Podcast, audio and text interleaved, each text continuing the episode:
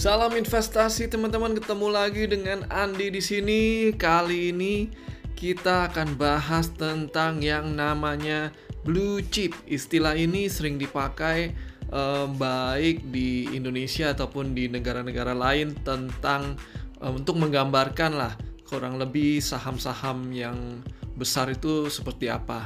Jadi simak terus podcast kali ini dan follow ya untuk podcast-podcast selanjutnya. Oke, jadi pertanyaannya kenapa sih namanya blue chip? Gak namanya red chip ataupun um, white, black ataupun color chip, pink ya. Jadi um, ternyata begini teman-teman, semua itu ada ceritanya. Jadi kurang lebih di awal 9 awal abad 19 kalau di kalau kita ke kasino itu chip yang paling besar value-nya adalah yang warna blue ataupun yang biru teman-teman.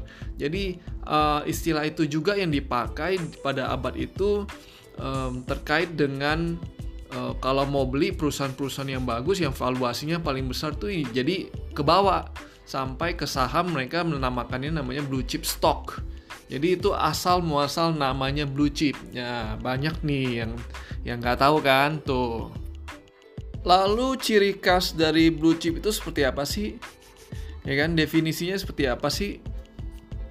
Jadi blue chip stocks itu sering didefinisikan sebagai saham-saham suatu perusahaan yang salah satu yang terbaik ataupun yang terbesar dalam segi kapitalisasi, likuiditas, ataupun um, dalam segi um, market leadernya. Jadi um, salah satunya itu rata-rata perusahaan yang dikategorikan sebagai blue chip itu biasanya memiliki karakteristik sebagai berikut. Dia biasanya uh, termasuk skalanya paling besar baik di nasional ataupun di internasional dalam segi kapitalisasi market marketnya. Kalau di Indonesia mungkin 20 triliun rupiah ke atas bisa dikategorikan sebagai um, uh, blue chips. Kemudian karakteristik yang lain biasanya produk dan jasanya itu sangat dikenal oleh uh, masyarakat ataupun rakyat yang ada di suatu negara baik domestik ataupun internasional. Dan biasanya cenderung dia market leader itu di sektornya. Kemudian dalam segi uh, size dari perusahaannya juga besar, biasanya memiliki karyawan yang cukup besar dan ini cenderung pertumbuhannya slow, steady dan dia bertumbuhnya uh, pelan-pelan aja ya. Slow uh, slow dan steady, tapi ya itulah biasanya ciri-ciri perusahaan besar.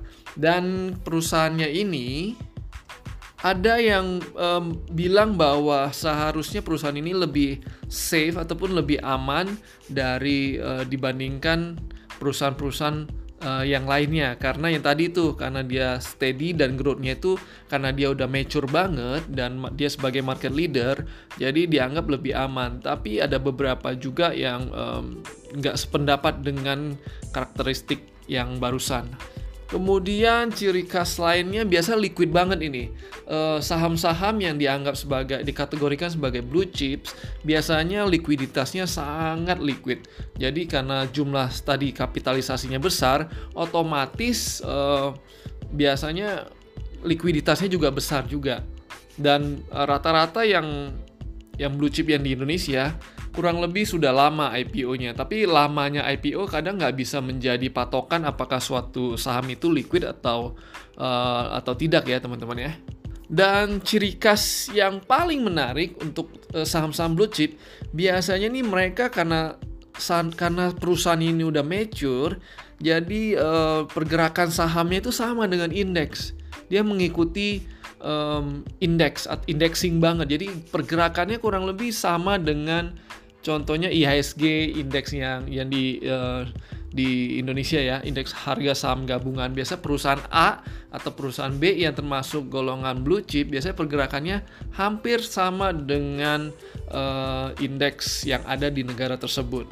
Dan karakteristik yang menarik dari saham-saham blue chip biasanya mereka memberi atau membayar dividen setiap tahunnya.